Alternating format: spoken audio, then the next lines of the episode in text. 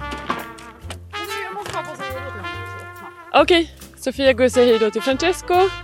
Francesco är kocken på restaurangen. Francesco sto registrando eh? Sei. È vero? Vi volete tutti bene. Qualche Ciao corso. Francesco, är kocken. Fai ciao. Cockens. Qualche ricorso alla Digos. Eh sì, dalla polizia. Ecco. Här så ska du hålla i och så måste Okej. de här, vad heter det, plupparna måste gå till rö- Nu var radion på. Ehm, för annars blir Daniel sur. De ska liksom ja men det är bra. Så. Ska de upp på grönt Nej, eller? på, det, lite på det orangea där. Ah, okej, så vi ska prata högt. Ja, du får göra. Ja. Lite. Ja. Okej, Så. nu fattar jag. Ja. Kan inte du börja berätta lite var vi, eh, var vi är någonstans? Får jättegärna beskriva min bil.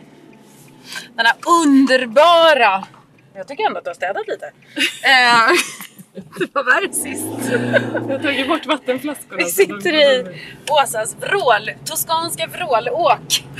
På väg in till Florens från Tirreno. Det är strålande sol och 15 grader varmt.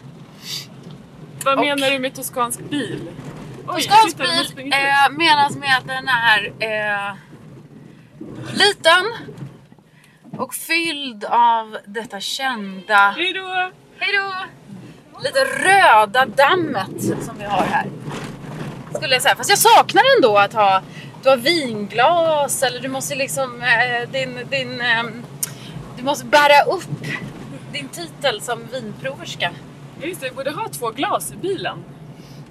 Eller hur? Alltså jag ska berätta, jag ska visa dig ett väldigt roligt kort sen. Du borde ha två glas i bilen. Ja. Och sponsor. Ifall I polisen... mitten. Ja, och nu bumpar det lite för nu åker vi på den här typiska toskanska vägen också. Som man inte får asfaltera, eller hur? Exakt, man får inte asfaltera dem. Eller ehm, man får lägga på en, en typ av asfalt, men man får inte eh, göra dem mörka. För det förstör landskapet. Så att hela Chianti handlar ju väldigt mycket om att bevara så som det har sett ut sedan renässansen i princip. Så när man tittar här eh, ut så är det, förutom någon telefonstolpe, så ser det ungefär ut som det gör på en Michelangelo-tavla eller en Det är inte så tokigt. Donatello. Eller hur? Det är inte så tokigt. Nej, det är vansinnigt vackert.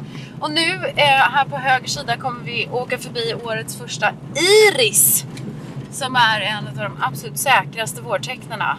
Ja, Den är knalllila och står precis här nere. Ja, ja, nu ser jag den. Ja, där. Oj, vad vackra de är. De är så vackra. Iris är ju Florens landskapsblomma, eller stadsvapensblomma. Man tror att det är en, en fransk lilja, men det är faktiskt en iris. Just det. Just det. Och nu, vad, heter, vad, vad ska vi göra nu? För vi har lite bråttom, det kanske märks. Men vi eh, får spela in i bilen för annars kommer inte vi hinna. För nu ska vi åka och prova vin. Det är förhandsprovningarna som börjar nu den här veckan. Förhandsprovningen av alla toskanska viner. Så då är det en vecka som man åker runt och provar viner från de olika vinregionerna i Toscana. Eller hur? Exakt, förhandsprovningar. Här kallas det för anteprima. I Frankrike kallas det för en. Det är alltså man provar de nya årgångarna som är på väg att släppas eh, inför vinåret kan man säga. Hur känns det för, för alltså, som producent? Blir man liksom, är man nervös inför förhandsprovningen? För då kommer det ju journalister från hela världen och liksom sitter och provar och sen ska skriva om det och så vidare. Och så vidare. Jag skulle säga att det är, eh, det är den viktigaste, den enskilt viktigaste vinhändelsen. Eh, I alla fall för oss i Italien. Eh, det kommer ju, dels så har du ju, är du ju, blir du ju jämförd med alla dina närmsta grannar. Vilket gör att i, i det mest lika formatet så måste du stå ut som vinproducent. Eh, så det är man ju alltid lite nervös, eller spänd inför. Jag skulle säga nervös, man liksom är på, på tårna. Mm. Eh, sen är det ju väldigt roligt för man träffar ju alla. Det är ju det enda tillfället också på hela året som man faktiskt träffar alla sina grannar och alla andra så visst Eh, och det, hela vinbranschen. ja, det känns lite som så här fritidsgård fast det är vin med. Man skulle kunna kalla det för att det är Toscanas Almedalsvecka fast för vin. Just det. Så får man reda på alla intriger. Eh, allt som händer bakom kulisserna, vilka producenter som är på gång att sälja men inte har sagt någonting. Men eh, vad, heter, vad, vad gör ni på gården nu? Just nu, Annars? Liksom? Just nu så eh, beskär vi och det är ju en av de absolut viktigaste delarna i, ute i vingården på hela året. Så det är nu man börjar beskära vinstockarna, man tar bort alla fjolårsgrenar. Eh. Vi pratade om det förra avsnittet. Gjorde vi det? Ja. Vad bra! Men det fortsätter för det är ett väldigt detaljrikt arbete så det tar faktiskt upp en, eh, uppemot drygt sex veckor för oss att gå igenom våra 75 000 vinrankor.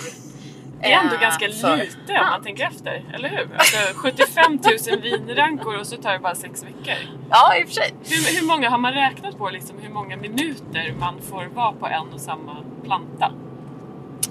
Eh, jag tror att skulle man jobba utifrån att, att, att liksom klocka in och klocka ut så skulle man säkert göra det. Fast vi vill inte det för vissa plantor kräver fler minuter för att de har ett mer komplicerat grensystem och andra går mycket snabbare. Så att helst så vill man liksom inte bryta ner eh, ett, ett kvalitetsarbete i minuter.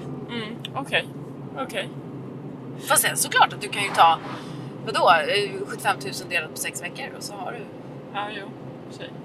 Beroende på hur många Kan du göra det i huvudet? Nej, inte just nu när jag kör min lilla Ferrari Nissan Micra här. Eh, men, men, eh, och sen mötte vi Francesco också. Han är ju kock på er nya restaurang. Så att, eh, han håller på... När öppnar ni den? Eh, vi, Francesco jobbar ju hos oss eh, hela året trots att restaurangen bara är öppet under säsong. Så att just nu så håller vi på i trädgårdslandet och förbereder hela, alla vårens grönsaker. Så där handlar det ju om att eh, vända ner, eh, just nu eh, håller vi på med Lomake, maskgödsel eh, ehm, kan man säga. Jord som är, nu direktöversätter direkt översätter jag, jag vet inte exakt om det heter maskgödsel på svenska, men det är ett väldigt näringsrikt gödsel i alla fall som vi försöker vända ner i trädgårdslandet och sen täcker vi jorden med halm så att jorden inte får direktkontakt med den här väldigt starka solen som redan idag är väldigt stark. Eh, så att förbränner du jordytan så försvinner otroligt mycket av mikro eh, liksom klimatet eller vad man säger som finns i jorden. Är det din mamma också, Birgitta, som är med och hjälper till där? Hon tycker väl jättemycket om att och sköta alltså- blommor Ja, mamma är, är med på alla sådana här kruk och blom och växtligheter. Eh, så att hon och Francesco planerar just nu också vilka grönsaker vi, grönsaker vi ska ha när. Redan nu så har ju kronärtskockorna kommit upp så att det går så att vi fantastiska så här, ugnsbakade kronärtskockor med grön, fyllda med grönsaker. Med, ja, det var vansinnigt gott. Så att Francesco gör, ma- fort, gör, är vår kock Ja. innan restaurangen öppnar. Vad drack ni till kronärtskockorna? För det är ju jättesvårt att kombinera med mat. Det är ju faktiskt en av de svåraste eh, vad säger man, grödorna eller rätterna att kombinera med vin. Att det blir ju lätt, beroende på eh, hur man tillagar kronärtskockan så kan det ju uppstå liksom som en metallisk smak i kombination med vinet. Och jag skulle säga att det beror väldigt mycket på hur mycket fett och salt du har tillsammans med kronärtskockan också. Till exempel rå kronärtskocka som man äter här mycket nu på våren, den är ju i princip omöjlig tillsammans med vin. Eh, medan har du ugnsbakade kronärtskockar med grönsaker och så har du olivolja och liksom så, så tycker inte jag att då, det underlättar vinkombinationen. Okej. Tycker jag. Ja, jo men det håller jag nog med om. Eh, och jag, vi drack vår Bianco Professore till nya årgången 2018. Det fungerade helt okej faktiskt. Och hur, vänta, Bianco Professore, det är den som är lagrad lite på fat? hur? Exakt. Ja. Eh, den är fatlagrad eh, och jag, det, den liksom fatlagringen och den lite feta karaktären plockades upp av olivoljan på kronärtskockorna. Så jag tyckte det blev jättegott. Okej. Värt att prova, värt att Värt prova. att prova. Eh, sen en, en, en annan grej innan vi eh, avslutar. Förra avsnittet så pratade jag med Peter Weltman. Mm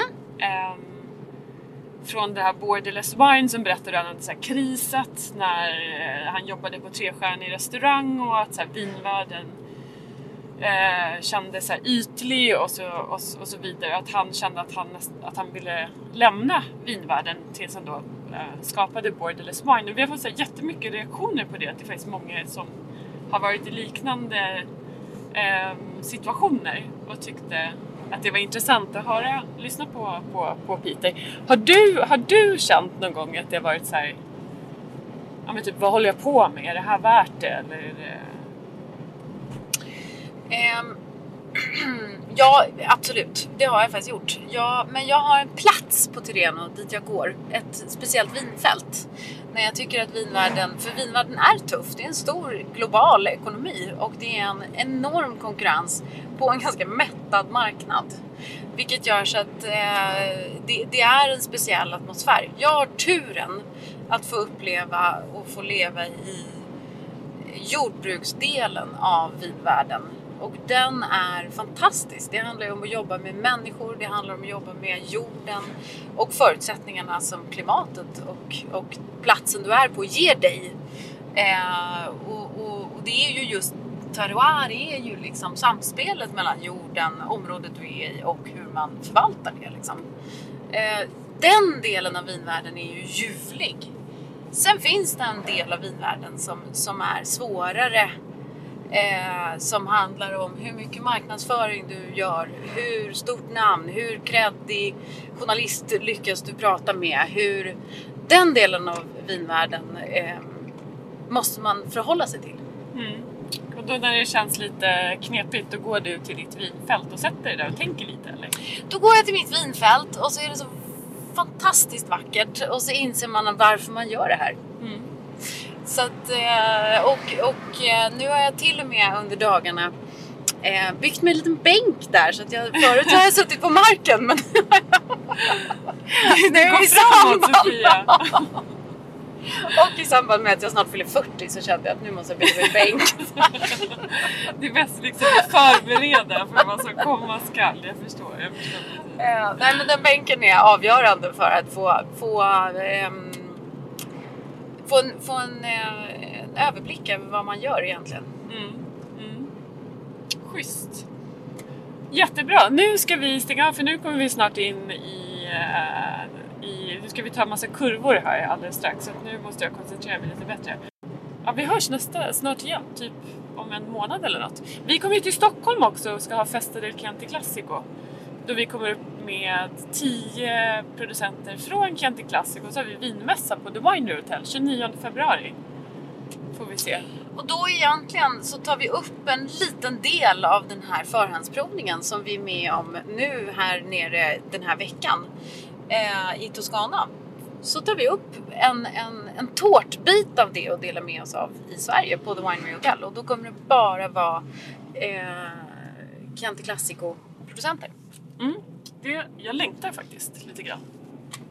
Jag längtar massor, inte bara lite grann. Jag tycker att det ska bli otroligt roligt att få upp eh, och få, få, få våra två världar att mötas. Den här fantastiska världen vi har här med italienarna och vinerna och, och eh, kulturen med Sverige.